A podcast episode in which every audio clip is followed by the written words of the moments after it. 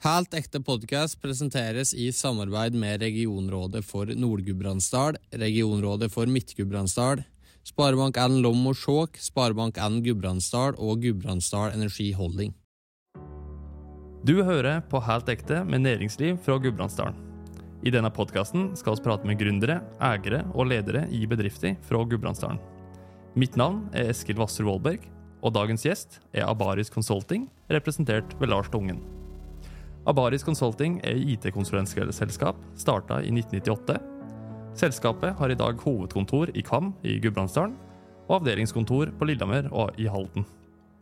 Totalt er det ti ansatte i selskapet, og i denne samtalen vil dere få høre mer om hva det egentlig vil si å være et IT-konsulentselskap, hvordan bli ekspert på å lage ting som aldri før har blitt laga, og hvordan drive et suksessfullt IT-selskap midt i tjukkeste Gudbrandsdalen.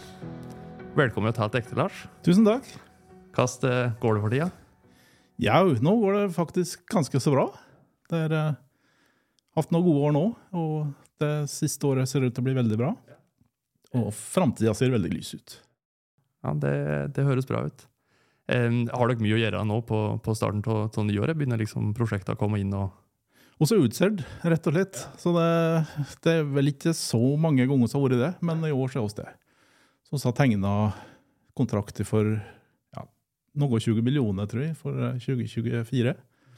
Og det er en ny rekord, da. Så vi har ikke nok folk til å få gjennomført alt det på ett år. Så eh, det er jo veldig bra å være i en slik situasjon. Abaris er jo i selskap som driver med veldig mye forskjellig. Dere jobber jo bl.a. med apputvikling, eh, tilbyr rådgivning, og så jobber dere med noe som heter prototyping. Um, jeg har gledet meg veldig til, uh, til denne samtalen, um, men jeg tenkte for å ha i best mulig utgangspunkt, både for min egen del og for dem som, som hører på Hvis du skulle prøvd å forklare på en litt enkel måte hva egentlig Abaris jobber med, hva hadde du sagt da? Åh, oh, Dette der spørsmålet sliter vi sjøl. uh, blitt spurt det mange ganger, men uh, om jeg har klart å komme på en enkel forklaring den gang, det det har jeg vel ikke klart. Men uh, hos er egentlig en gjeng med teknologiinteresserte som liker å jobbe med teknologi, og da konkret så er det programmering. Systemutvikling. Så vi lager jo programvare. Uh, så alt som kan ha programvare, er oss med å logge. Så oss er veldig forskjellige. altså Summet oss jobber med, innenfor energibransjen med å lage uh, system for smart energistyring. Du nevnte jo apputvikling. Det er jo en viktig del av alt nå som har med folk å gjøre. Det er jo det primære grensesnittet som folk bruker når de skal ha med IT-system å gjøre. Så er det jo via en app, så det er jo ofte en del av den store løsningen. Så det har vi jobba en del med. Og så eh, hjelper oss jo store organisasjoner, bedrifter, med å eh, forsterke teamene deres på forskjellige områder. Vi eh, jobber jo for Lånekassen. Jeg jobber for en, jeg har ikke lov til å si hvem jeg jobber for eh, på kontrakta, men jeg jobber for et eh, teknologifirma på Kongsberg, for å si det slik. eh, og ja, vi jobber mye rart. Alt som har med programmering å gjøre. Vi har en veldig stort spenn i, eh, i arbeidsstokken på alder. Eh, fra de helt unge nyutdanna til folk som, som har jobba i mange, mange tiår. Jeg begynte i bransjen i 1994, så det begynner å bli en stund. Så ja. Bra med det. lage system, eh, jobbe innenfor energi, eh, eiendomsforvaltning, eh, helsevesen. Ja. Mye forskjellige Mye forskjellig. kunder og program og ja. system. Og, og det, det, det, som jeg liker best med å være konsulent, er at du får være borti så mye forskjellige fagområder. Altså, øyeblikket så sitter du og lager eh, fakturasystem for, for Oslo kommune, som skal fakturere eiendomsskatt, f.eks. Neste øyeblikk så er det uh, eiendomsutleie på Oslo hovedflyplass. Og så er det ja, en eller annen elektronisk dings som skal være i et skip som skal kjøre på verdenshavet. Det, er utrolig spenn eh, som du får oppleve som konsulent og mange forskjellige områder. Så du blir litt Du får i hvert fall innsikt i mange forskjellige ting. og ja, det blir en veldig god karriere av det. Altså hvis du er interessert i den type ting. Um, du sier, altså Dere er jo et konsulentselskap. Og konsulentselskap finnes det jo på en måte mange av. Dere jobber innenfor IT. Um, hvordan ser på en måte en typisk uh, prosjektprosess ut for, for dere? Uh, ja, det vil være veldig varierende. Uh, Kommer an på kunden. Altså, Summe kunder er jo, starter jo på scratch. Altså, De har egentlig bare en idé. Så det ser jo helt annerledes ut om at du skal gå inn på et team som er godt i gang. Eksempel. du skal bare fylle en stol og, og gi mer fart eller erstatte noe som er blitt borte. Uh, så, så, det vil variere voldsomt. og vi har altså de største kundene og de minste kundene. Uh, og de minste kundene da, det er jo mer omfattende sånn sett, fordi at vi begynner på scratch. Vi uh, kan ikke begynne å logge programvare med en gang ofte. altså Du må gjennom flere steg før du kan komme så langt at du skal begynne å logge noe. Uh, det blir kanskje litt prototyping, uh, mye tegning, mye møter og testing i forhold til hvordan brukeren skal bruke systemet som du eventuelt skal logge. Og den type ting. Og der er det ofte med andre, flere aktører. altså Der kan du ofte være involvert med Skoppo eller næringshager, Innovasjon Norge. Du kan kanskje ha investorer som skal være med i loopen. altså Det, det er en eh, komplisert prosess, og der oss da Jabbaris, eh, og Det vi kan bidra med der, er jo da teknisk innsikt og rådgivning rundt det tekniske. og og eh, eventuelt da beregne kostnader på forskjellige ting, og estimater og budsjett. Eh, men det er jo da en del av en større prosess der òg. Eh, på et stort prosjekt for en stor kunde så er det andre krav. Eh, da er vi jo mer over på ja, Nå har vi skrevet en stor kontrakt med et stort konsern, og da måtte vi lage f.eks. klimaregnskapet vårt for første mm. gang. så da har vi fått levert det. Altså det, det, det, er helt andre krav de stiller. da. Og de har ofte et helt annet nivå på profesjonalitet. Så, så der, ofte, der, kommer vi jo ofte til et dekka bord. Altså her, her, er, her, er, det du skal forholde deg til. Eh, og du har noen rammer du skal jobbe innafor. Eh, så, så, det er forskjellige situasjoner der. Så jeg har lært veldig mye av det. Altså jobbe for, for mange forskjellige kunder og kunne se ting på tvers. Så da kan vi også eh, lære mye på flere fronter. Så nei, det er forskjellig. så det blir på en måte kompetanseutvikling i kort eneste prosjekt, og så kan dere bruke den kompetansen dere lærer i et, et prosjekt i et annet, og, ja. og, bygge på på den måten. Og det er, som, det er, slik for mange jobber i dag, men i hvert fall spesielt for den databransjen. Så er det jo dette her at altså, du er jo ikke ferdig utdanna når du er ferdig på skolen. Du er, du er helt i starten. Det du har lært antageligvis de siste tre åra på skolen, er kanskje allerede utdatert, mye av det. Det eneste du har gjort, er å vise at du kan lære nye ting. Og det må du fortsette med med en gang du begynner. Altså det, er en, det er en livslang læring. Eh, jeg husker da jeg på, ja, som 50-åring da, skulle gå inn på ny kunde. Eh, stor kunde, 3000 ansatte, kjenner ikke en kjeft. Eh, det første spørsmålet spør de da er jeg god nok. og så det, det er harde krav. Eh, og slik Alle jabaris blir utsatt for den. Du blir kasta ut i det, og du må lære deg å svømme på nytt nesten hver gang. Skjella også kan bare snu bunken og starte og bruke det vi brukte sist. Det er veldig skjella. Vi eh, kan lære oss noen triks, vi kan eh, få kompetanse på ting. Og alt det har en levetid. Jeg vet ikke hvor mange javascript-rammeverk vi har vært igjennom i Jabaris, men det begynner å bli en god del, og det kommer noe nytt hele tida. Jeg har et spørsmål til i forhold til dette her med det dere jobber med. Du sier programmering. På en helt enkel måte, hva, hva vil det si? Eh. Nei, det, du, du, beskriver en løsning på et problem. Eh, eh, når dere var på ungdomsskolen eh, og løste ligninger, altså X, da, løse med hensyn på X, så er det et dataprogram. Eh, og inputen er jo da X. og Hvis du setter X i lik 3, da, så kan du regne ut verdien på hele ligninga med å erstatte X med tri. Da kjører du programmet. Eh, så vår jobb er da å skrive den ligninga eh, for å løse det problemet som skal løses. Eh, og Det kalles funksjonell programmering. Altså da, da, beskriver du løsningen. i vil at farga på huset skal være rødt.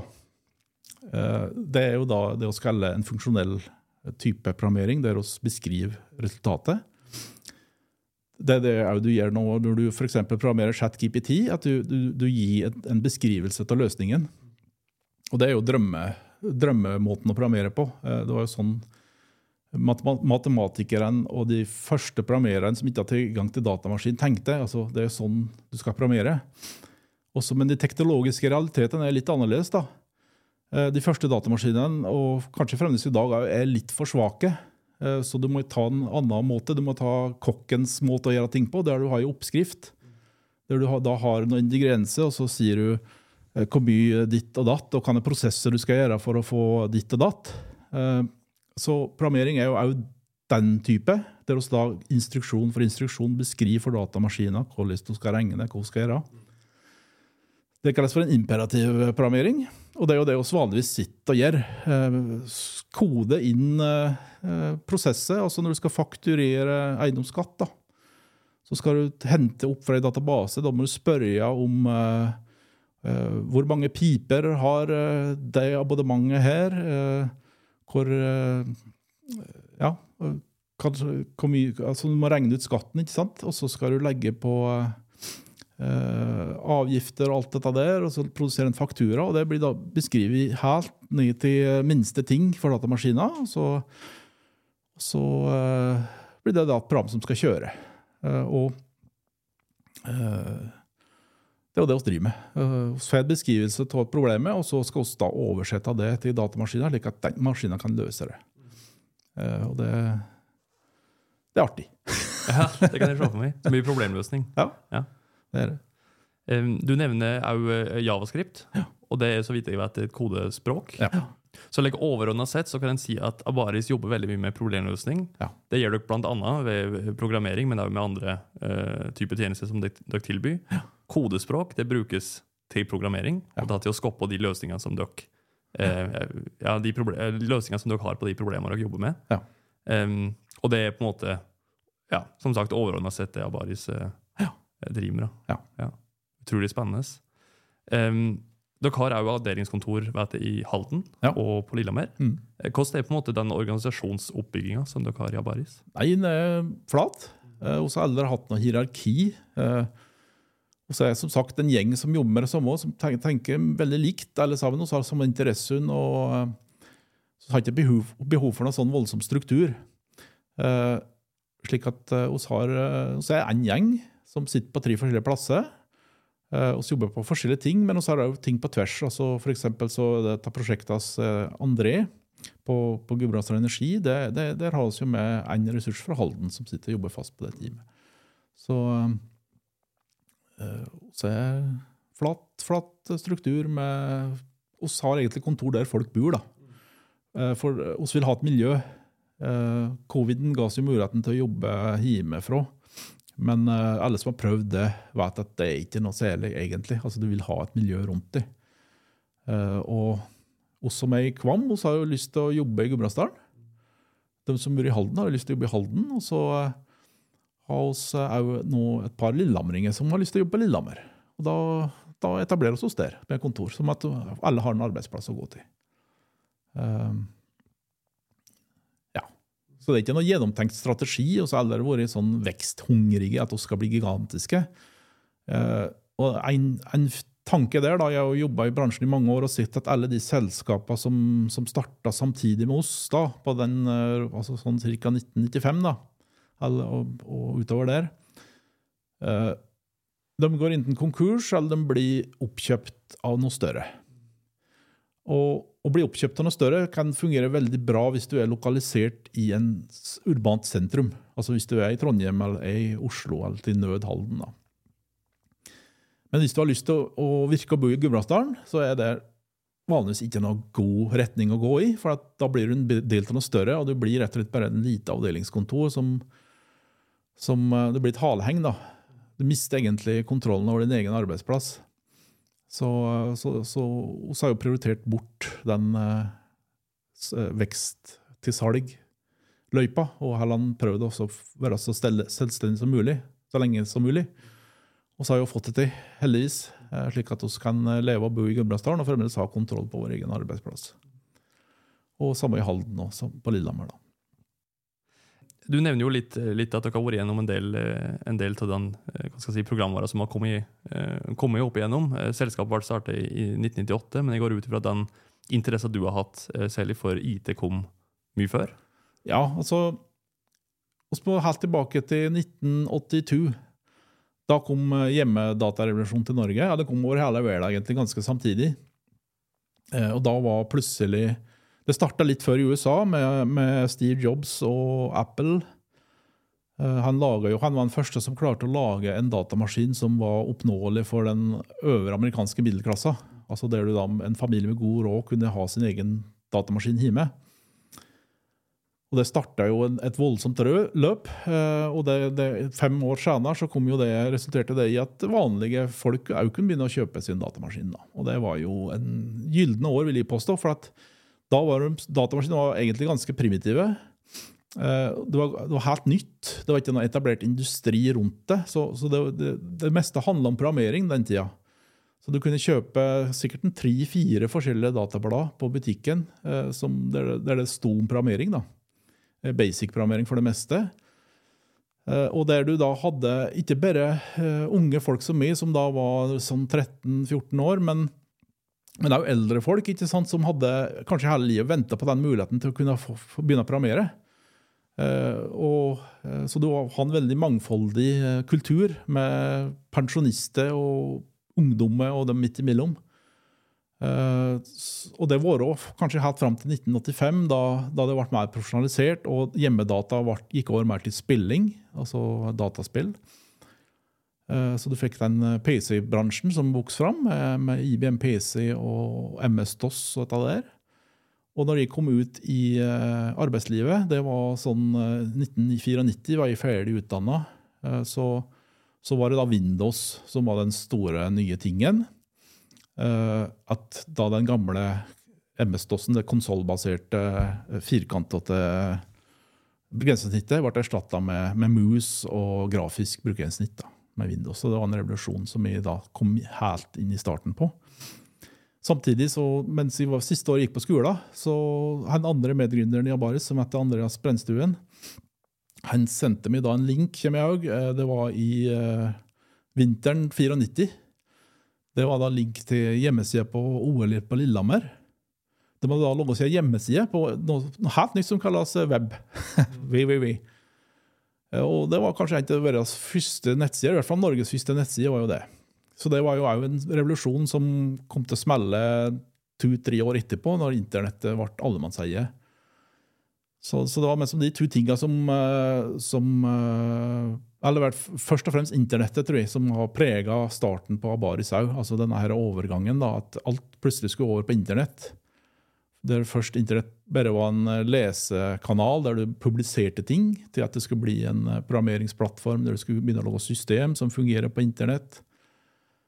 Eh, Så det prega oss jo de første åra. Så starten var jo andre og jeg, da, som, som hadde lyst til å starte for oss sjøl. Han gikk på NTNU i Trondheim. Jeg, hadde, jeg var ferdig på Gjøvik, og så hadde jeg tid et år i militæret og så et år med tilleggsutdannelse. Jeg flyttet opp til, nei, til Trondheim når han holdt på på siste året på NTNU. Så jeg begynte så vidt i et uh, selskap som het Pumatek den gangen. Det var, de drev med geografisk eh, informasjonssystem. Eh, jeg skulle overta etter eh, Og det viser jo hvor ung denne bransjen var. Det, han jeg skulle overta etter, det var Norges første datapensjonist, sa han. Eh, Og så, når andre var ferdig, eh, så flytta han til Halden. Han fikk sin dame fra Halden, så han flytta dit. Så det er jo grunnen til at jeg har en relasjon til Halden. Så, eh, og jeg var den professortypen. Jeg var den som var flink faglig, ikke så flink sosialt. Andreas han er veldig flink sosialt, eller var veldig flink sosialt, så han var, han var den utadvendte av oss. Så han skaffa det første oppdraget på, innenfor helsevesenet. Eh, Og når han da, Det var i en taxi på eh, en sen nattetime i Trondheim en gang. Så traff han en som jobba på noe som heter Kompetansesenter for IT helsevesenet, som hadde bruk for å lage et datasystem rundt dette som kalles for medisinske kodeverk. Det er jo det diagnosekodeverk og diverse ting som de bruker i helsevesenet for å kategorisere symptom, sykdom, behandling, alt mulig rart. ikke sant? Så de hadde jo da ansvar for å eh, lage publikasjoner rundt det, og de ville da ha ting på internett, ikke sant, og begynne å publisere det på internett. Så Andreas skaffa det oppdraget, så da bestemte jeg meg for å slutte på arbeidsplassen jeg hadde i Trondheim, Og jeg var da den første ansatte, da, så begynte jeg bare med det som mål. Å utvikle de systemene. Eh, og så, når jeg hadde gjort det, så, så trefte jeg en annen kar. Det var en som het Dag Mathisen. Eh, han traff jeg på en bar i New Orleans vi var på, sommer, var på en sånn fagtur rundt eh, geografisk informasjonssystem. Intergraph eh, et amerikansk selskap som hadde konferanse der. så så jeg var med der, og så var det en Dag Mathisen med der. En Dag han jobba da på flyplassen i Gardermoen. Den var jo under utvikling den gangen. Det skulle bli ny hovedflyplass på Gardermoen. Og Dag han jobba innafor dette her med geografisk informasjonssystem. Laga digitale kart over uh, Gardermoen. Og, og, hadde da idé om å starte eget firma rundt det. På, på eiendomsforvaltning. Digital eiendomsforvaltning. Så da fikk vi en kunde der. Da ble Abaris leverandør. Etter hvert så kom vi inn på eiersida i det selskapet, så det var en god kunde til oss i mange mange år. Eh, og de første åra gikk jo rundt det, altså med helse, eh, eiendomsforvaltning. Nei da, så det var jo noen år. Eh, dette der eiendomsforvaltningsselskapet som en dag starta, det ble oppkjøpt, gikk inn i Norconsult. Så det er en del av det nå. De har en egen program programdel som går på dette med eiendomsforvaltning der. Eh, så, så Norconsult var jo en eier til oss noen år etterpå det, for at vi solgte jo aksjene våre. Og så, og eide jo eh, eh, oss eide jo litt i det selskapet vi solgte, og så eide det selskapet litt i Avaris. Det var sånn krysseie. Eh, for det var jo noe sånn skattetilpasning en gang i tida, som, eh, der det lønte seg. Så Norconsult ble eier til oss noen år. En deleier, da. Eh, og det var jo fram til ja, 2008 så døde Andreas plutselig. Han var jo medgründeren min, altså og så sa to. Hadde fått på oss en trea på den tida. Det var en som heter Elen Lund, som er i Halden. Eh, så heldigvis så var oss tre den gangen, helst så ikke fortsetter vi.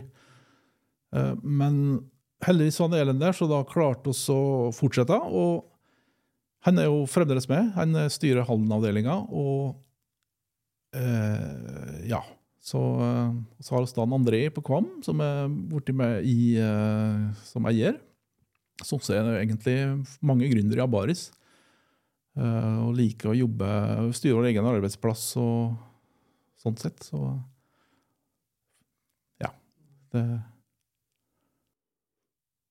Jeg tenker på like, når dere For å ta litt dette her med, med starten at oppstarten til Abaris. det kom jo på ei tid der eh, det skjedde veldig mye rundt som du sier, internett, IT, eh, teknologiutvikling generelt. Og det var jo òg ei tid eh, der vi hadde dotcom-bobla i USA. Eh, ikke sant? Veldig, veldig mange av de selskapene som da var starta opp i eh, selv i California-området, som, som, gikk eh, dukken, rett og slett. var det noe dere ble påvirket av i, i Abaris? Ja, så skal vi se. Uh, oss var ikke på den internetthypen. Uh, så startet jo nettsida, så var jo før Finn på å lage en markedsplass, f.eks. Men vi hadde verken kapital eller, eller, eller, innsikt nok til å skjønne at, eh, at, dette kom til å bli så stort som det ble. Vi var mer på den teknologiske sida og mer interessert i teknologien. Men det påvirka jo markedet vårt. Altså, det var en veldig, veldig spennende tid. Eh, og alle skulle inn i det markedet, og det, det skjedde veldig mye. Eh, så vi hadde jo den, eh, den ambisjonen om å om bli med på det. Så vi var jo vi fikk jo masse flere, så vi var jo seks stykker helt i starten på Habaris som hadde et, et mål om å, om å, gjøre det stort. da. Så det, var i Trondheim, og så var det to i Oslo, og så var det tre i Halden. Det var en artig tid, men det krasja jo plutselig med Det begynte jo med med 9.9. i USA. 11. september, jeg mener. Uh, da, da, da, det var jo starten på IT-krasjen. Uh, så, så, bransjen snudde seg helt. Så vi merka jo det, at vi uh, måtte jo nedskalere. Så til slutt så var det jo bare Ion Andreas Att og Nelen. Vi var tre. så vi måtte bygge opp etter det. Så da endte jo med at jeg flyttet ned til Halden og bodde der nå, så var, så var bare i Halden en stund. Ja, Så det var spennende tid. Men uh, lysten til å bo i Gudbrandsdalen kom gradvis tilbake. Jeg var jo til den generasjonen som alle sa at vi skal ikke tilbake. Vi skal til byen og uh, bo der. Uh, Gudbrandsdalen er gammeldags, keisam. Det skjer ingenting. Men det er så rart meg. Altså du, når du får prøvd det andre, så, så sier det verdien til det du har forlatt. Så jeg bestemte meg for å flytte den eh, sånn 2007-2008-2009 en stand. Eh, og da var jeg jo fast bestemt på at jeg kan ikke sitte hjemme. Det går ikke.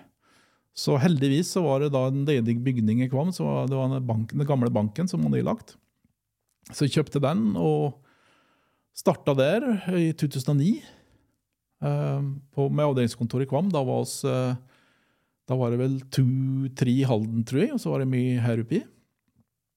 Og fra der så har vi jo, måtte jo bygge på nå for tre-fire år siden for å få plass til det. Så det, det har jo som utvikla seg. da. Og det, det fins folk som har lyst til å jobbe i Gudbrandsdalen innenfor denne bransjen her òg. Selv om det ikke er fryktelig mange, så er det i hvert fall mulig å få til noe. Um, dere flytter jo da åt Kvam, hovedkontor der, i, i 2009.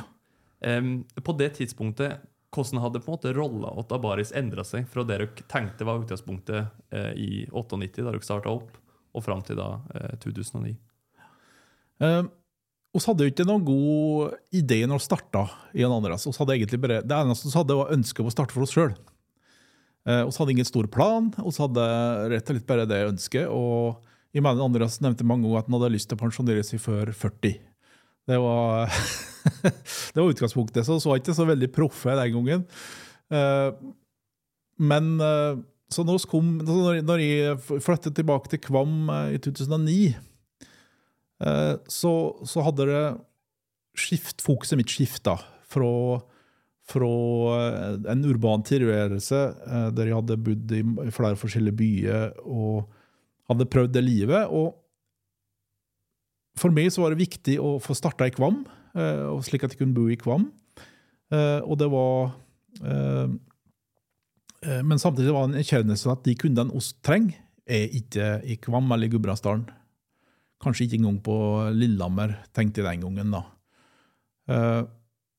Så viste det at jeg tok feil, heldigvis. Eh, Men jeg hadde forberedt meg på at, at en, eh, en tilværelse på Kvam blir at eh, de som skal jobbe her, må enten pendle eller få en ordning der de da kan jobbe remote. da. Og det var egentlig ganske vanskelig på den tida, for at på, i 2009 og helt fram til 2019 så var stort sett alle utlysninger av den type jobb som oss trenger. Der står det spesifikt arbeidssted Oslo, kanskje, eh, kanskje noen andre store byer, men aller mest Oslo. Oslo sentrum. Det er der de store IT-prosjektene blir løst. Eh, rett og slett for at det er jo staten som betaler for det, og da sitter de som skal ha det i nærheten der.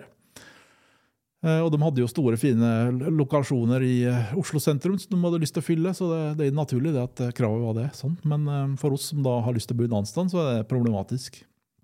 Så det var jo tankesettet mitt, at eh, da må jeg forberede meg på det. Jeg håper at det, blir, at det er andre som har lyst til å jobbe i samme tilværelsen. Eh, Så begynner det å komme en sånn en mental overgang. altså Folk snur jo i hodet fort. Og jeg var jo til den generasjonen som ville ut. Eh, og så begynner det å snu eh, slik at det kommer igjen folk som vil tilbake. Og, og de som er her, eh, mange av dem sier jeg har ikke lyst til å bli i byen. Jeg har lyst til å bli ferdig med utdannelsen og komme tilbake. Eh, Så, så, så da skjønte jeg at her er det jo faktisk mulighet. At vi kan faktisk bygge opp noe her i Gudbrandsdalen. Uh, Utfordringa er hvordan skal vi få kunder. Eh, hvor skal de komme fra? Jeg er ikke noen markedsmann per se. Eh, ingen i Abaris har vært det. Eh, alt vi har brukt på markedsføring, har vel egentlig vært for rekrutteringsformål og for ei nettside. Det er stort sett det vi har brukt. Eh, resten har vært eh, sponsing og den type. Altså det, er for å hjelpe lokalsamfunnet vårt. Eh, men eh, heldigvis, da, i og med at vi hadde Halden-kontoret De har jo kobla på et mye større marked med større aktører i Halden. Så, så de, eh, de forsynte seg i hvert fall sjøl med arbeid, og kunne òg skaffe litt til oss på Kvam. Eh, og så eh, hadde vi eh, relasjon til Norconsult. altså Det første firmaet vi starta i Trondheim, i Trondheim, som heter Pumatek, de ble jo senere oppkjøpt av, til Norconsult. Samtidig så hadde vi da firmaet i dag, som ble oppkjøpt av Norconsult, så så hadde en veldig god relasjon til Norconsult. Så vi fikk oppdrag der.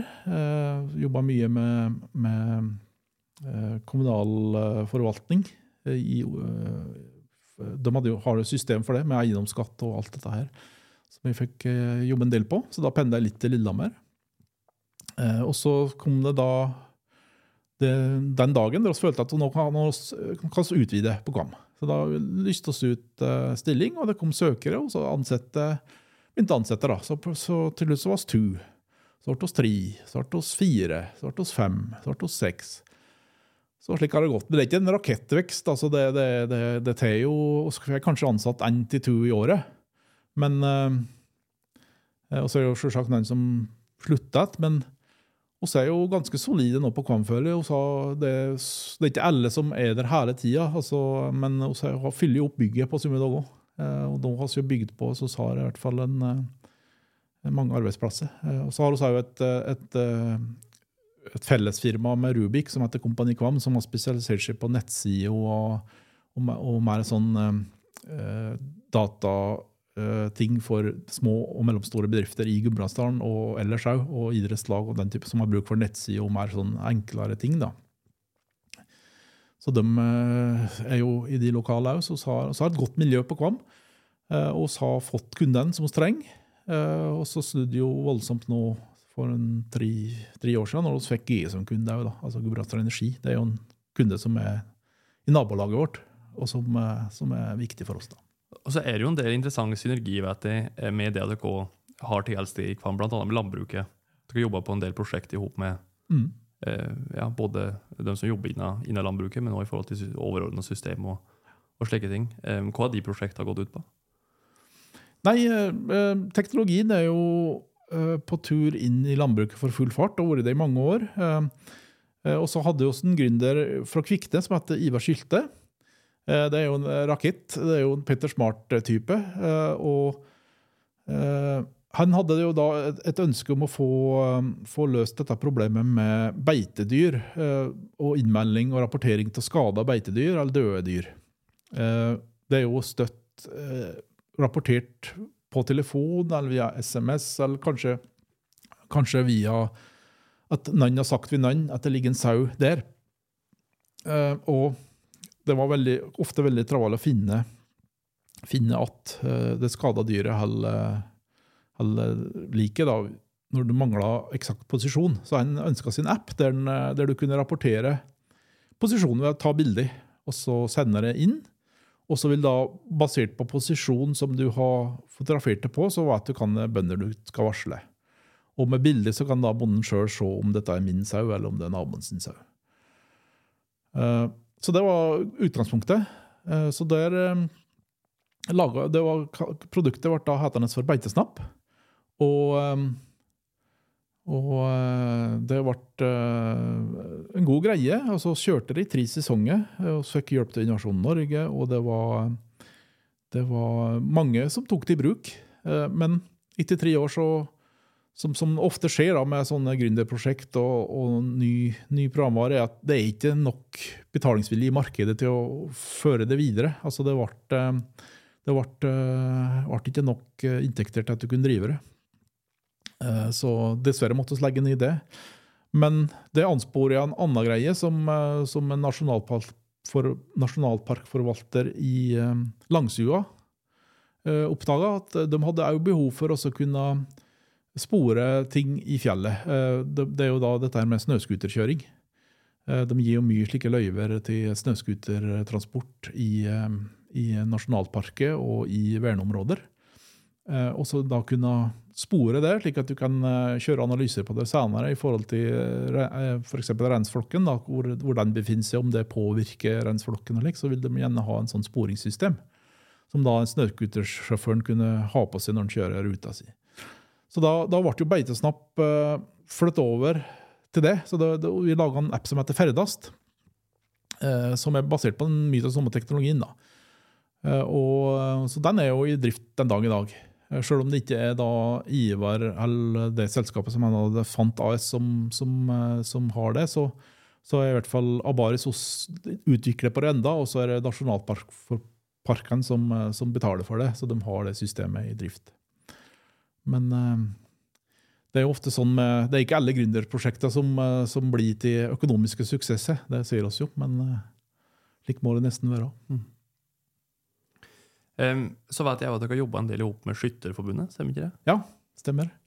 Det var, en, eh, det var et veldig uh, flott prosjekt. Det var Rubik som fikk, uh, som fikk den kunden. Uh, og det ble jo det var en vanskelig tid for Abaris, jeg, for da hadde vi mista et stort prosjekt. og når, oss fikk, fikk, når jeg skjønte at det prosjektet kom til å glippe for oss Det første jeg gjorde da var å ringe opp banken og så utvide kassakreditten, for jeg visste at nå, nå kommer det dårlige tider en lang stund, kanskje. Så du må litt, eh, du må ha litt å spille på. Eh, Og så sette oss i gang med å prøve å få erstatta det prosjektet da, med annen virksomhet. Og Rubik var jo en, eh, en, et alternativ, så hadde et godt samarbeid med Rubik den gangen. Så i hop med dem så lå oss først et system for foto, eh, eh, norske fotografer. Eh, Det var ikke noe økonomisk godt prosjekt, men det var et veldig viktig kompetanseprosjekt for oss. Når vi laga det systemet, for da var vi veldig godt rusta til å kunne ta, ta imot en stor medlemsorganisasjon som har bruk for å digitalisere medlemshåndteringa si. Altså lage, en ting er jo det å ta inn medlemskontingenter og, og håndtere dette her med eh, eh, drift av organisasjon. Eh, men du har òg dette her med konkurranser, skytterkonkurranser, resultatservice, arrangementsgjennomføring, alt dette der. Så der, der fikk Rubik da landa Norsk Skytterforbund. Kjempestort prosjekt egentlig for oss. For oss da. Og Abaris ble da med som, som utviklingsressurser. Og snudde hele greia for Abaris. Det redda oss egentlig eh, den gangen. Og, og eh, ja, veldig, veldig profesjonell kunde som visste hva de ville ha, og hadde, hadde også finanser som kunne betale for det. Og um, ja, de har, de, det er et godt prosjekt enda eh, for, for Rubik. Nå er jo mesteparten av den utviklingsdelen ferdig, men, eh, men det er jo et system som lever i å eksistere. Eh, Så nei, det var en veldig god greie. Eh, Lars, jeg ser for meg at når dere jobber i den bransjen dere jobber i, så eh, som vi har vært litt inne på, så jobber dere jo med veldig eh, logiske ting, altså logisk teknologi, ting som på en eller annen måte gir si, rasjonell mening, matematisk mening. Eh, men samtidig så jobber dere med veldig kreative prosjekt. Eh, plasser der dere er nødt til å tenke eh, nytt, være innovative. Hvordan finner dere på en måte den balansen?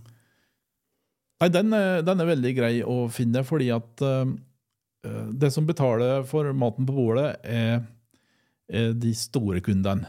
Eh, og og de, de, de må serve, og, og, eh, og, eh, og da er det som oftest eh, da ikke våre ideer hos laget, da, da er det kvinnens ideer. Eh, Så den, denne innovasjonsbiten den kommer jo først når du, når du samarbeider med helt ferske prosjekt.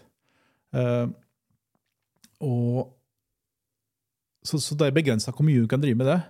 I hvert fall for oss. altså Da må du helst være finansiert, da må du ha en tenketank eller en finan, offentlig finansiert uh, institusjon, for det blir ikke penger av ideer. altså Det, det er rett og slett bare ubetalt regning, og det er i, i sin enkleste form.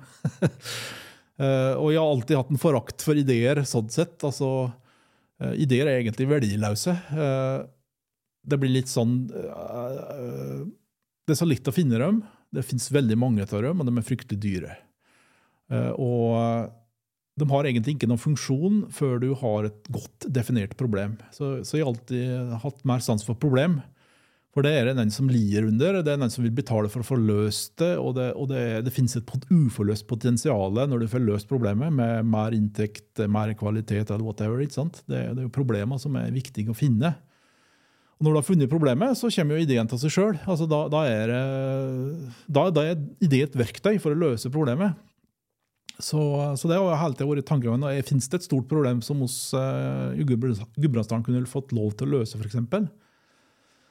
Eh, så det, det har vært en, eh, en drøm, da. Eh, og jeg trodde jo kanskje at vi hadde det når Ivar kom med landbruket, hadde bruk for teknologi i landbruket. og Kanskje det er en vei for, for teknologien i Gudbrandsdalen, at vi kan få noen store problemer løst der. Eh, dessverre så er det jo problem ettertrakta. Altså, alle de store urbane bysentra griper jo de problemene med stor velvilje og vil ha dem for seg sjøl. Så, vi fikk jo ikke til det. Vi fikk fikk ikke den traction som vi ville ha rundt dette med landbruk og teknologi, som vi hadde håpa vi skulle få til. Vi var jo bl.a. i Serbia og besøkte en sånn eh, forskningsinstitusjon der med sånn satellittovervåkning av jorder, f.eks., for, eksempel, for å kunne følge med på, på gjødsel og vekstforhold, vanning. ikke sant? Eh, Men det viser jo at dette er jo et prosjekt som kjøres andre steder, i, i mer urbane sentra rundt høgskolen. og det blir en konkurranse som også er dømt til å tape eh, når vi er så små. Eh, dessverre. Men det, det finnes jo sikkert noe altså Dette med nasjonalparker er jo en, en ting som har fungert for oss. Det, nasjonalparkene ligger jo her, der vi bor. Så det her har oss jo hatt en, en inngang, da. Så jeg har ikke gitt opp. Men, eh, men det er sånn med innovasjon at eh, det trengs jo finansiering, og, og den er jo ikke eh, i vårt nabolag. Men det er i hvert fall det, det er alltid artig å, å jobbe med. Og du ser jo det at eh, det, sånn idémyldring er er jo populært. Men det er meningsløst hvis det ikke finnes noen store prosjekt å få brukt det på. Du må ha et problem, du må ha et prosjekt der du skal bruke de ideene for å få gjennomført det. Så egentlig så burde den gjennomført et type problemmyldring først, Ja. og så eventuelt hatt idémyldring etter det. Yes. Finn et stort, vanskelig problem. Og du ser at det er jo det som det er jo det som driver oss videre, ikke sant? å få løst problemene våre. Eh, Jeg har alltid vært fascinert av disse her amerikanske um, gründerne som har, som har bygd store selskap, altså Steve Jobs f.eks. Hvordan han tenkte. altså det var, Han tenkte men som omvendt av det oss gjør. ikke sant? En, en, begynner, en begynner på et kjent sted, og så jobber en seg bakover. Mens hvis en driver med idémyldring, som oss har litt for å begynne med, så, så, så skal du jobbe deg framover. Men ikke sant, med den første beslutningen du skal ta, da, hvor mange valg har du? Du har kanskje tusenvis av valg du kan ta på det første steget. Og det neste steget så har du tusen nye, så tusen ganger tusen ganger tusen ganger tusen. Ikke sant? Det blir bare en, en sky med ting du ikke forstår og ikke klarer å forholde til. Men hvis du som Steve Jobs tenker baklengs og begynner med her er det dit jeg vil. Jeg vil ha en telefon som har eh, som kan, som være som en TV, som kan være som et kamera, som kan være som en musikkspiller, som kan være en datamaskin som vi kan spille på, som vi kan gjøre kontorarbeid på, og som vi kan uh, ringe med da, til slutt. det vil jeg ha. Og Da begynner en der, og så regner det bakover. Ja, men Hva trengs da? Hva trengs av skjermkapasitet? Hva slags skjerm trenger oss? Hva slags batteri, batterier? Hva slags minne trenger oss? Uh, hva slags programvare trenger oss? Og da, når, når regner, da regnes seg bakover, så kommer en fram til en, et punkt. Og det punktet kan ofte ligge litt framfor dem. Altså, så det er kanskje ikke på det punktet enda at det er lurt å sette i gang med dette. Og timing er jo viktig der. altså Jeg husker på 80-tallet så var det en som het Moller, som skulle lage flyvende bil. Og det har kanskje rett i at en, på et eller annet tidspunkt så vil det finnes en flyvende bil, men han hadde glemt å regne seg bakover og så se på når teknologien er klar, og ikke minst når folk mentalt er klar for at du skal godta at folk kjører i lufta. Fyllkjøring i tre dimensjoner er jo enda mer skremmende enn i to. Uh, så, så, han hadde ikke regna rett. Så han har holdt på med det i 30 år, og sikkert noe mye teknologi, men timing er viktig. ikke sant? Men, uh, men at du tenker motsatt, det, det er en snarvei. Så du slipper også å ta alle disse valgene framover. For du vet, er egentlig, det blir som å navigere på et kart. Hvis du ikke vet hvor du skal, så er det mange veier å gå. Mm. Um, Men når dere da jobber i, uh, i Abaris, um, så ser jeg for meg at du som da daglig leder og som har den tankegangen omkring uh, ja, søke problemer først og fremst, da, i stedet for, for ideen. Um, hva skaper dere en, en kultur innad i Abaris det er det dere på en måte fokuserer på? Det er ikke en uh, Altså, oss er så få uh, at, at, den kulturen kommer uh, i, i, gangen når vi prater med hverandre. så vi har, ikke, vi har ikke kjørt noen sånne eh, bevisste strategier på det. Altså, Vi har vært gjennom uh, samling, vi har jo samling en gang i året der vi reiser på en tur, og så, og så um, har sosialt, men òg prate litt om uh, hva vi skal satse på, hvordan vi skal jobbe, og alt dette der. Og Der har jo dette vært et tema, der vi har gått gjennom hvem er abarisk og driver oss med, hvordan vil vi definere oss sjøl. Og der har jo dette vært delt av det. Altså, jeg, sånn, jeg, hadde en sånn uh, sesjon en gang med du skulle prøve å finne vårt DNA, da, hva vi bygd opp av. Uh, som et svar på uh, Jeg tror Innovasjon Norge en gang ba oss om å finne en sånn uh, Jeg husker ikke hva de kaller det. Det var sånn, det var sånn kundeløfte eller et sånn uh, markedsløfte, der du skal med, som, med en eller to setninger beskrive da, for kunden hva, hva, hva slags løfte vi gir dem. Så, så, hadde jeg en sånn prosess, eh, og da jeg forkasta den kundeløftet. Jeg syns det blir litt sånn svulstig. Men, eh, men vi kjørte en prosess der vi gikk igjennom eh, hvem vi er, hva er viktig for oss, hvordan skal framstå. Da, da hadde det akkurat som den katolske kirke, da, der du har, der du har noen liste med svakheter og en liste med dyder. da. Eh, så, så, hadde en sånn liste der vi da førte opp om svakheter og styrker, altså ting vi ikke ville ha, og ting vi ville ha. Og der da ideer var egentlig noe vi ikke vil ha, problemer er noe vi vil ha. Eh, innovasjon eh, Ofte så er det oppfinnelser vil vi ikke ha, oppdagelser vil vi ha. For det er, få, altså det er stort sett bare Petter Smart og Donald Duck som finner opp ting. Oppfinnelser er, er veldig sjelda. Det blir lager noe så utrolig smart. Det, som ofte så er det de beste forretningsideene og de beste tingene som blir laga, er jo oppdagelser. Altså du oppdager ting. da. Det kan du gjøre på arbeidsplassen din. Du kan oppdage en måte å gjøre ting enklere på. eller du kan... Eh, eller som, eh, som brødrene Wright, som oppdaga at nå er motorene så lette borti, og materialet så lette borti at du kan faktisk lage et fly. De fant ikke opp noe. De fant ikke opp motoren, de fant ikke opp vingen. Altså, alt var jo funnet opp. Men det å sette det i hop og oppdage at nå er det faktisk eh, nå er dette mulig, og på den måten da så sprenger de en mental grense, som oftest er den som ryker. ikke sant? Den mentale sperra mot å fly forsvant da når de, når de viste at dette var mulig. Og, og det, det, er den type ting også Jabaris har gått gjennom. altså Hva, hva er ønsker oss? Vi ønsker oppdagelser, ikke oppfinnelser. Altså der du skal finne, oppfinne en tidsmaskin eller et eller annet tull.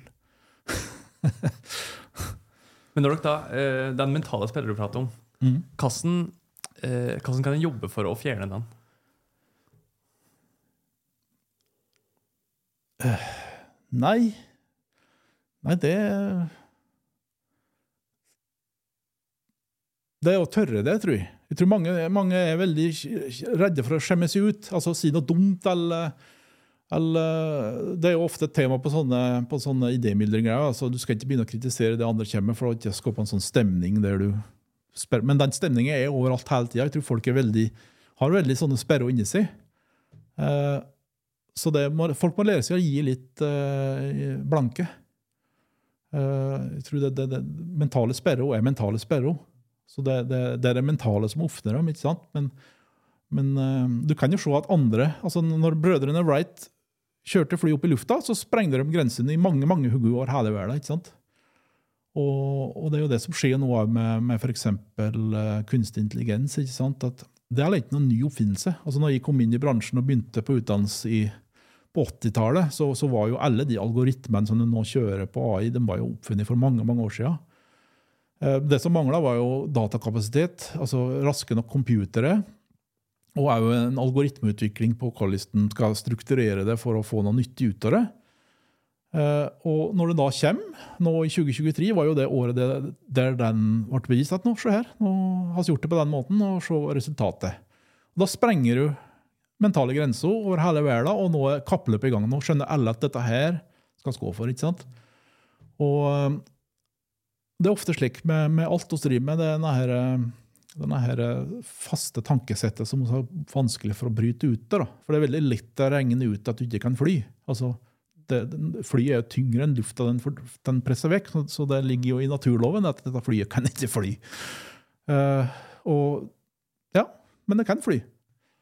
Um, har vært litt inne på dette her med kunstig intelligens. Um, først og fremst Når det gjelder dette med kunstig intelligens, noen ganger må jeg spørre deg, Hvis du skulle forklart det på en enkel måte, Eh, Hva er egentlig det for noe? Nei, det er en, det er en veldig enkel greie. Eh, Den er enkel teknisk. Eh, Som vi sa, de algoritmene som er brukt, er utvikla for mange mange, mange år siden. Og det, det er utvikla på en altså det, det Koder kan du se som et stort regneark, der du utfører noen veldig enkle kalkulasjoner. Og den formen du bruker i de cellene, den er basert på måten en sånn hjerneneuron fungerer på. Altså fra biologien, da. Så, så har du en, det å kalle nevroner. Eh, og, og de tar inn en input, i for, og det kan vi beskrive som et flyttall. Bare en verdi mellom null og 1. Da. Og, og, så, og så sier du hvilken output du ønsker. Eh, og så lærer du opp mange, mange, mange, mange celler opp. Du, har, du har millioner av slike celler da, som du da trener, som du sier. Så den treninga kan jo da være at du, du viser et bilde av et bilskilt. da. Og så, og så forteller du at når du får det bildet der, så skal du gi, gi som output dette her bilnummeret her. Og så gir du et nytt bilde til et annet bilskilt, og så sier vi algoritmen at når, når du sier dette bildet der, så skal du gi dette nummeret der. Og hvis du har et stort nok nevralt nett eh, og får trent det på riktige data, så kan du komme med et bilde som en ikke har sett før, og så kan en da gi dem et riktig bilnummer på, det bildet som du har gitt den. ikke sant? Så du trener opp, og Det er omtrent som du trener en baby. Eh, Du, du gir positiv tilbakemelding når babyen gjør noe riktig. ikke sant? Den sier, hvis den sier mamma for første gang, da, så yeah! Og babyen har lært seg at det uttrykket der, på, på mamma, det er bra. så det, da trener du babyen. ikke sant? Så, så det, er, det er en sånn hjernesimulering. Eh, Problemet er at vi forstår ikke helt denne her eh, Selv om matematikken er enkel, og selv om strukturen er enkel, så, så skjønner vi ikke helt hvordan det fungerer. Altså det, det er som en svart boks for oss. Uh, så, så det har jo vært en, mange, mange år med famling på å finne ikke, kraftige nok computere og, og riktige algoritmer for å, for å sette deg på det. Uh, Og når du da er inne på ChatGPT, så, så, så er jo det akkurat det samme. Den er jo også trena på samme viset. Den er trenet på, og den har jo da, takket være internett, fått tilgang til all menneskelig kunnskap. Alt som er skrevet, er jo på internett, og det har jo da blitt kjørt gjennom et stort nevralt nett som, som da f.eks. heter ChatGPT, som har da tilgang til alt. Og Måten den fungerer på, er at du, du gir en input. Det er bare en rekke med ord som du gir, gir inn til ChatGPT eller AI. Og det du spør om, er hva er det neste ordet? Og så gir ChatGPT det neste ordet. Og hvis du tar det veldig enkelt, da, hvis de sier god, for eksempel, god, spør de, hva er det neste ordet? Helg? Ja, for eksempel. Det er en kandidat. Så du har altså du har helg, du har påske, jul, morgen, kveld. For eksempel. Du har, du har seks kandidater. Så det et AI gjør, det er altså å finne den beste kandidaten. Det, det er rett og slett den, den statistisk mest sannsynlige kandidaten. Og jo mer kontekst, jo mer nøyaktig. Hvis du sier at det er en 24. desember klokka ni, da er kanskje god jul mer aktuelt enn god morgen. Så det er sånn, eh, sånn det AI fungerer. Så du sier at den pumper ut ord for ord. Så er det fordi at den regner, Hva er det mest sannsynlige ordet etter dette? Hva er det mest sannsynlige ordet etter dette? Så, så du bør ikke skrive spørsmålstegn engang. Hvis Du legger merke til det, du bør ikke si at dette er et spørsmål. altså AI bare tar ordene du har gitt, og så hva er det mest sannsynlig ordet til dette? Og det blir så avansert at, at du, det er jo nesten som at du prater med en bevissthet, ikke sant? Hvordan med, med, I forhold til Gudbrandsdalen, hva tror du kunstig intelligens kan bety for, eh, for oss oppe her? Det er ikke litt å si. altså det, det er Jeg tror at For Gudbrandsdalen sin del så er, det, så er vi ikke så trua. Fordi at de arbeidsplassene vi har, de er ikke trua til AI. Uh, er en veldig kompetent, kompetent eh, befolkning. Eh, en bonde han kan, en er biolog, en er mekaniker, en er sjåfør. Altså det er en veldig brei kompetanseprofil på oss Gudbrandsdølen. Vi kan snikre, vi kan eh, reparere ditt, vi kan reparere datt. Eh, Og alt, alt det vi er gode på, det er AI veldig dårlig på. De som er trua til dette, det er jo de som kan eh, klippe og lime seg en master og ta en jobb der du kan komme langt med klippa og limt master, f.eks. De ligger jævlig tynt an. Du ser det på Twitter nå, når, når Elon Musk overtok der og sparka 90% Og det, Twitter fungerer. Det fungerer bedre enn noensinne. Og nå har andre teknologigiganter begynt med det samme. Eh, 90 er det, er det, er, det, er, det er nesten ikke så det er mulig å tro det. Men det er fryktelig mange jobber som er trua til dette her. Og de jobbene finnes ikke her, de finnes eh, andre steder. Og, for Abar sin del så er jo dette nå er et verktøy for oss. altså Vi begynte å bruke det for en par-tre år siden med, med, med en sånn eh, at, at det sitter et AI sammen med når du koder, og, og, og ser hva du gjør, og kan ta en del opprydningsarbeid og komme med forslag til, til Der er det en bug, f.eks. Altså, eh, det, det er nyttig for oss. Eh, På et eller annet tidspunkt så vil dette bli så nyttig for oss at vi blir erstatta. Altså, da vi vil komme tilbake til det, det, det punktet der du kan beskrive hva programmet skal gjøre, og så er det et AI som gir deg den programvara. Som, som starta med, med, med funksjonell programmering. Jeg vil ha en, jeg vil ha, her har du dataene, jeg vil at du skal vise dem på den måten her, i en app, f.eks. Her har du RestAPI du skal snakke med for å hente ut dataene. Du, du kan, eh, så, så, også vår jobb er true at dette her. Men eh, når, når det skjer, det, det er vanskelig å si. Det skjer ikke over natta. Men eh, det, det, en, eh, det blir en eh, skjellsettende overgang for menneskeheten. For alle de jobbene som nå har gitt høy status og, og egentlig satsa på, er trua til AI. Uh, rett og slett for at hvis du kan lese det til det, så kan AI lese det til det. så enkelt er det. Så du ser ikke for deg at vi får en robotsnekker etter hvert som kan uh, komme hjem til å pusse opp? Nei Altså det, var, det var drømmen. sant? Hvis du går tilbake til 50-tallet, og 40-tallet og 30-tallet, når de tenkte seg framtida, så var det den type roboter de så for seg. Altså Som kunne ta oppvasken, og som kunne vaske huset ditt og gjøre alt dette der. Til en viss grad så har vi fått det med oppvaskmaskin, med robotstøvsuger. Men en snekkers hverdag er så avansert at uh, å, å få lage en robot som gjør det Jeg, jeg ser ikke helt nytta med det. Eh, for det, det er ikke snikker, altså Vi må se på samfunnet som helhet. Det er ikke snekkeren som belaster samfunnet mest nå med, med utgifter. ikke sant? Det er jo det, er jo det, det store statsbyråkratiet blir større og større. Og det blir tyngre og tyngre å bære. Jeg tror at det AI kommer først dit. At det er der de begynner å rydde først. Og Innen jussen, innen rettssystemet Det ene ting er at du kan få effektivisert ting, men du kan få, få gjort det mer rettferdig. Det har jo alltid vært et problem med bias i rettssystemet. ikke sant? Med, med, med at dommer blir påvirka av eh, andre faktorer enn det de egentlig burde bli påvirka av. Dere kan gjøre en god jobb med å være mer rettferdig. Eh, Så, så det blir en revolusjon. Det gjør det. Men eh, det vil ta tid, da, heldigvis. Det blir ikke over natta. Men ja, jeg støtt undra meg over hvordan, hvordan vi skal takle en sånn samfunn der, der alt blir så tungvint og travalig og tyngre og tyngre for kort, og mer og mer regler og mer og mer ditt og datt. Men 2023 viste oss hvordan dette skal løses, egentlig. Det vil bli en effektivisering av administrasjonen vår. Det er ikke tvil om. Jeg, jeg, jeg syns ofte en hører det at det er jo folk som er på en måte inputen. Du prater litt om dette her med å, å, å kunne eh, sende inn bilskilt, f.eks., og slike ting. Men på et eller annet tidspunkt så kan det jo hende at det ikke er folk, men det er AI sjøl som, som på en måte har den inputen. Hva ser du på den problemstillinga? Ja. jeg- kan et AI være kreativt? Um, jeg tror det.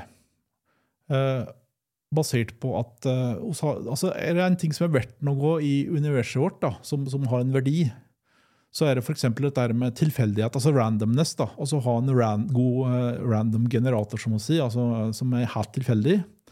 Det er alltid vanskelig å få, få til.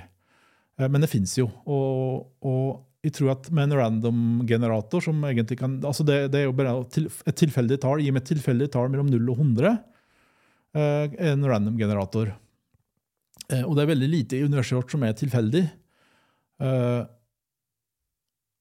Men når du først har det, så kan du, det er der kreativiteten kommer fra. Det er, sant, du er litt tilfeldig og du er litt random, som hun sier. Vi bruker jo det ordet i språket òg. Og kan et AI være random? Ja. Og det, det, det er jo noe, du, du kan jo stille på det i, eh, i AI òg, at, at du, du kan være litt random. Og det vil da si at når du da predikerer neste ord, så er det en sånn terningkastfunksjon ikke sant, som, som eh, gir deg litt randomness. Og da kan jo AI eh, snuble borti noe som er lurt, som ingen har tenkt før, eller sagt før. Og Det kan også da validere som lurt. altså det kan AI validere, Dette var en god idé, for dette vil jo føre til ditt og datt. Så, så kreativiteten er der. Ja, jeg tror vi kan få til det. Absolutt. Men, eh, men altså, det, det, er jo uh, AI er veldig begrensa, ikke sant? Altså uh, De er jo ikke rundt omkring og ser alt. Altså det, er jo internettet som er inputen, ikke sant? Og det er mye som foregår utenfor internettet. Så, så folk vil ha en funksjon. Og, jeg tror folk har en viktig rolle i å og, altså, små ta vare på menneskeheten og sørge for at vi har en uh, viktig rolle å spille i samfunnet og bygge oss. Uh, men det blir som med brødrene Wright. altså Du trenger ikke en million Wright-brødre til å vise at du kan fly. Det er nok med, med to. ikke sant? Så det, det, blir en effektivisering, og det må, må, nok uh, omskoleres en del av oss. Mm. Det blir spennende å se hva som skjer i, i året framover. Ja. Um, når vi prater litt om, om framtida, hvor ser du for deg at Abaris er om, om 20 år? Nei, jeg håper at, at, ehm, at det fins, om ikke annet. Eh, at, at vi har utvikla oss eh, At jeg, jeg er forhåpentligvis pensjonist. Eh, og at det utvikla utvikla seg. At den generasjonen som nå er på tur inn, har kanskje at den er på veldig gode år og føler at de har fått, fått brukt tida si på noe nyttig, og at vi har fornøyde kunder som har fått løst problemene sine på en god måte. Uh, ja, det er vel det. Altså, jeg har ingen ambisjon om å bli verdensdominerende IT-selskap eller konsulentselskap, og det er ikke, ser ikke helt hensikten med det. Men, uh, men å være en, en uh, At vi har en levende dal, at vi har en levende Halden-samfunn, og at vi har et levende Lillehammer. og og at vi har god del flere ansatte, håper jeg. At et større, mer levedyktig selskap. At en god arbeidsplass. Og uh, leverer merverdi til kundene våre. Det. Hvis en eh, tenker seg at dere på en måte skulle prøve å følge litt opp på de eh, suksessfaktorene som dere har hatt opp gjennom, eh, opp gjennom åra, og i, i drifta videre til Baris, hva vil du si er på en måte de viktigste årsakene for at dere har lykkes som dere har gjort? Jeg tror at eh, For oss så har det vært viktig å oppføre oss ordentlig i forhold til kundene. Eh, konsulenter har et dårlig rykte eh, mange plasser. Og jeg har sett det på mange kunder jeg jobber så har de ofte hatt veldig dårlig erfaring med, med konsulenter som, som, er veldig vanskelig med å ha med å gjøre. si. altså det, du, du, de er dyre, og, og, de har kanskje bare fokus på, på sin egen inntjening og, og skaper seg arbeid der de er. Det er i hvert fall de mytene som fort oppstår. Og eh, også aldri ville jeg vært der. Og har jeg alltid lurt på om dette navnet vårt egentlig er så lurt, for at consulting det er egentlig noe annet enn det vi driver med. Eh, men vi har bare valgt å beholde det eh, fordi at vi bryr oss ikke. men eh, ja, altså være ordentlig. Må, det viktigste du kan gjøre når du har et sånn forretningsforhold, er å sette deg på andre sida av bordet og se, prøve å se ting fra den andre kanten. Eh, og da ser du ofte en, et mye mer helhetlig bilde. Eh, og, og, da skjønner du òg at mye av det vi driver med, handler om å gjøre kunden god. Spesielt hvis du har en kunde som ikke driver med det vi driver med. Altså Hvis du skal hjelpe en kunde som ikke driver med programvareutvikling, og utvikle ny programvare, så er det ikke bare for oss å utvikle programvare. Vi må også hjelpe kunden til å, å, bli god på å kjøpe programvare eh, og forstå hvordan kunden tenker. Eh, og, og sørge for at de ikke går til oss i skoen. Eh, for det er fort gjort å se på altså Problemet med vår bransje har jo vært i alle år, og det er skrevet mange bøker og vært mye forskning på det at eh, sånne IT-utviklingsprosjekt har litt for å bryte alle budsjetter. Uh, Sjøl om du har de beste folka, de beste, den beste prosjektledelsen, så, så, har det fort gjort å skjære til skogs. og Forhåpentligvis har det blitt bedre. Jeg har ikke sett, sett, hvordan det har gått de siste åra, men vi har jo et stort Eh, skandaleprosjekt nå i Norge på dette med, med helse, helsejournal i uh, Midt-Norge. Uh, og det er jo de beste folka som har gjort det. Altså, topp leverandør fra USA, topp prosjektledelse og godt, gode, store, veldrevne sykehus. Og likevel så går det så til de grader til skogs. da. Og det er, jo, det er jo kanskje for at vi har vært en bransje som aldres de rolig. Altså er du, er du i bygningsbransjen, så skjer det utvikling der òg, men det er mer stabilt. da. Du har, eh, du har eh, etablerte måter å gjøre ting på. Du vet, eh, du kan styrkeberegne ting, og du vet hva slags betong du skal bruke. Og, og det finnes standarder som gjør at du ikke skjemmer i alders ut. Med mindre du skal begynne å bruke et nytt materiale som tre da, på bru og slik. Da kan du skjemme seg ut dette, vet du. Men, men ellers så er det mer stabilt. Og IT-bransjen er jo å bytte ut alt hele tida. Altså det er nye verktøy, nye ting, nye måter å gjøre ting på. Så det er fort gjort å, å, å miste kontrollen. Så, så har støtt vært bevisste på det at uh, hvis, hvis, kunden går konkurs, så er det ekstremt dårlig for oss. Altså, Vi må, må, ha kunder som tjener penger, og vi må ha kunder som får merverdi av de prosjektene vi utfører for dem. Og um, Den, bevisstheten må vi ha. Og blir det krise, så må vi òg være med og ta tak. ikke sant? Vi kan ikke bare skyve det over bordet og skulle på den. Vi må, må, være med og, og, komme oss ut av den tunnelen i hop med kunden. Og det, det har vi tjent mye på. Altså, da har vi fått veldig lojale kunder og godt rykte. Og, og heldigvis for oss er det mange konkurrenter som, som ikke har oppført seg sånn. Men det, det blir jo det blir jo, Hvis det kommer at en kunde der de har hatt veldig dårlig erfaring, så er det en jobb da, å jobbe, jobbe innen et rykte. Men det går jo, det. Mm. Det, det, vil jo alltid ligge en risiko uh, i å ta på seg de typer prosjekter som dere tar på dere. Mm. Um, og jeg vet at du tidligere har pratet om dette her med at dølene er for lite risikovillige. Ja. Um, hva legger du egentlig i det? Nei, oss er, er, oss er ikke risikovillige. Det er det. Men Og det, det, ser du jo på måten oss driver samfunnet vårt òg. Altså, vi har ikke tatt de store sjansene uh, som de kan gjøre andre plasser. Uh, og du ser litt på Vestlandet, det er en litt annen kultur. ikke sant? De er mer frampå. Og, og, og, det har nok litt med, med historien vår òg. På Vestlandet så kunne for 100 år siden så kunne synke en båt ikke sant, med 10-12 mann og som drukna. Og så var det da masse familier på land som, uh, som mista forsørgerne sine. og det var det, er en stor risiko. Altså, De er vant med å ta stor risiko og reise ut på havet og hente fisk. Så de har det i blodet. Oss har vært veldig forskåna for alt, eh, egentlig. Altså, alle kriser som landet har vært igjennom, har jo stort sett klart oss veldig bra igjennom. Altså, krigen var jo et, eh, en stor krise for landet, som vi klarte oss veldig bra med, fordi at vi har matproduksjon og vi klarer oss egentlig sjøl. Vi har ikke de store truslene, så, så, det ligger i blodet vårt at vi skal være litt forsiktige. Og jeg er ikke sikker på at det er en dårlig ting. jeg tror faktisk det kan, på mange områder så kan det være bra. Uh, men vi burde kanskje hatt litt bedre Og det, det sier oss har sett tegn til òg. Altså, det, det, det, har vært en del uh, guts i Gudbrandsdalen uh, de siste åra. Det er mange som har fått til veldig mye bra Mye å ta risiko. Og, så jeg syns, syns, det har gått veldig rette veien. Det har jeg gjort. Jeg vet jo at du er altså det er jo en gudbrandsdalspatriot, eller hva kaller dere det? I en, i en somewhere. Yes. um, og jeg vet at dere i ei uh, tidligere jobbannonse jeg har funnet, så har dere skrevet at, at Gudbrandsdalen er Norges mest moderne og spennende samfunn. Hvor legger du i det at, at Gudbrandsdalen er et kanskje særlig spennende samfunn?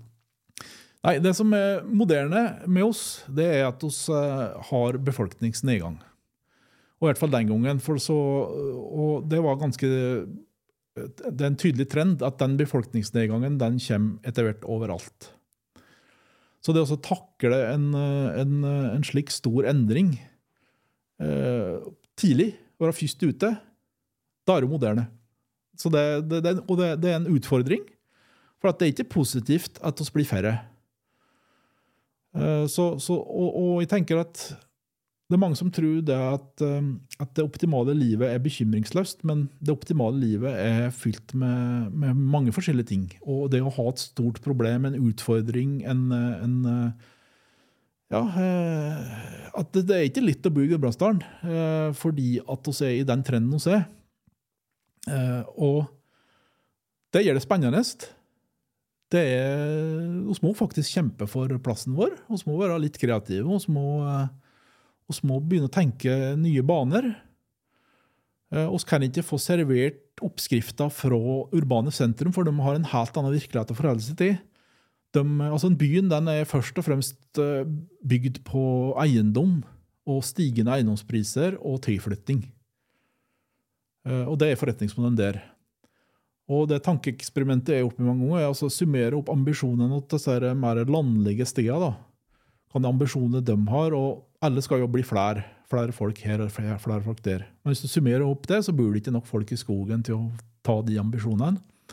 På Kvams har vi tømt skogen nå. Det finnes ikke så veldig mange på Purkelykkja, det finnes ikke så mange i baksida.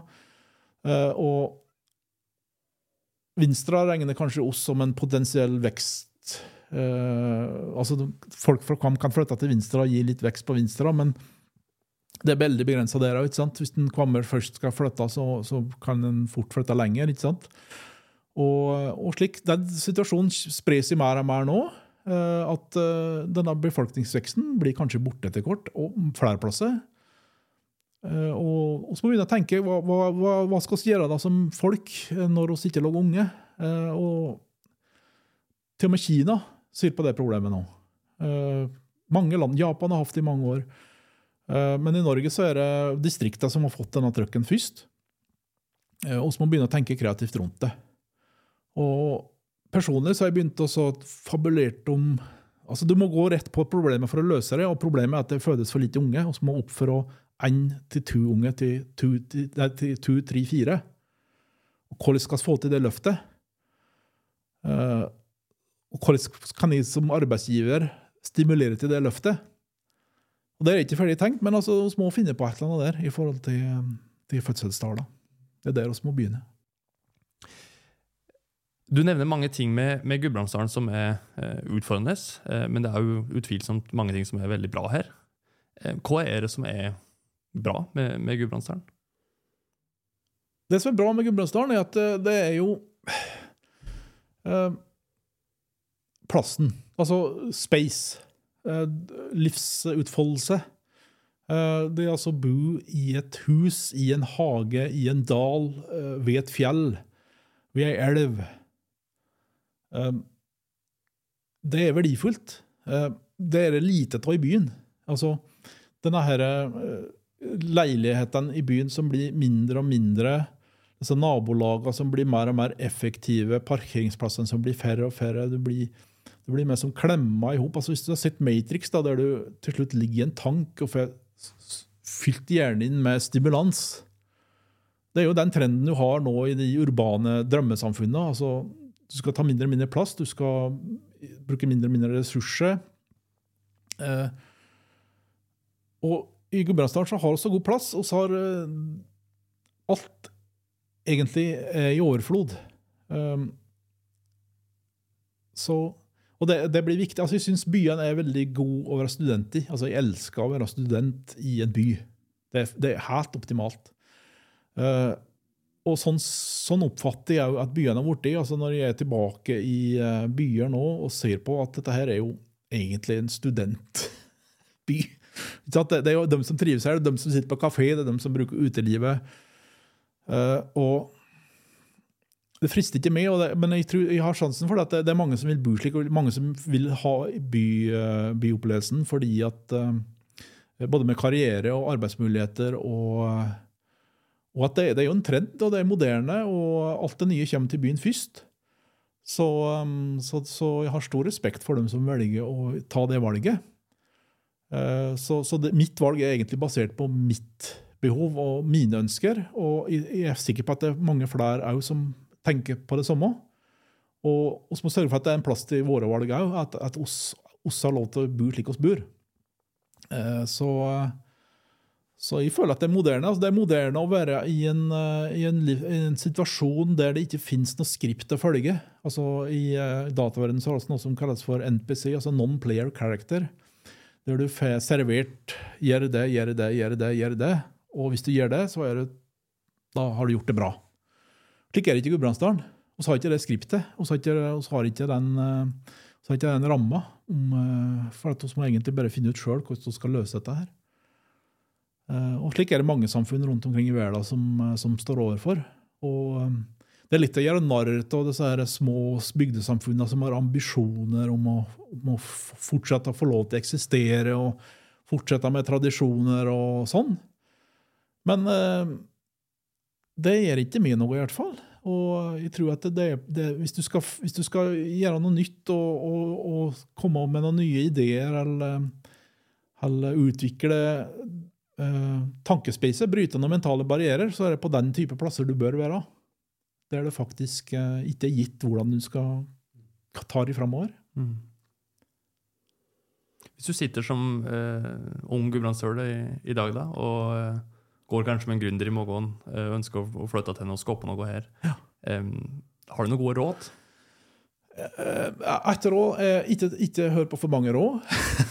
Å høre på råd det kan ofte ta, da kan du ofte ta innover de andre sine forventninger.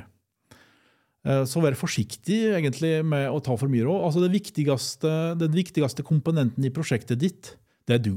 Ikke sant? Eh, Så du må stole på deg sjøl. Og investere tid i å bli kjent med deg sjøl. Eh, Og sorter gjerne din, ditt DNA i tre bokser, der du da f.eks. har du noe du er god på, det er én boks. Så har du noe som du ikke er fullt så god på, men du kan bli bedre på, det er en boks. Og så er det ting som du ikke er god på, og som du antakeligvis ikke blir noe særlig bedre på. Den boksen som du er veldig god på, den bare setter du til sida, for den ordner seg sjøl. For den er jo interessert i, der er interesser i, der er, der er tankene dine hele tida. Så den, den, den, den blir jo bedre på kontinuerlig. Den du må øve på, der må du investere litt tid på å forbedre det. Og den siste boksen den, må du sette bort til andre. Så Den må enten få med deg flere eller samarbeid, eller whatever, men du må få løst de tinga. Så bruk litt tid på å bli kjent med deg sjøl. Det, det er eneste rådet jeg vil gi. Ja, jeg synes det var et godt råd. Tusen takk for praten, Lars. Takk for det. Takk for at jeg fikk komme. opp. Du har hørt på Helt ekte med næringsliv i Gudbrandsdalen. Podkasten ble spilt inn på Innovasjonssenteret i Ringbu. Teknisk produsent var Arne Mathias Myhren. Og musikken er komponert av Scarworks. Prosjektleder i Helt ekte er Sivert Rønnsætre, og mitt navn er Eskil Vassel Aalberg.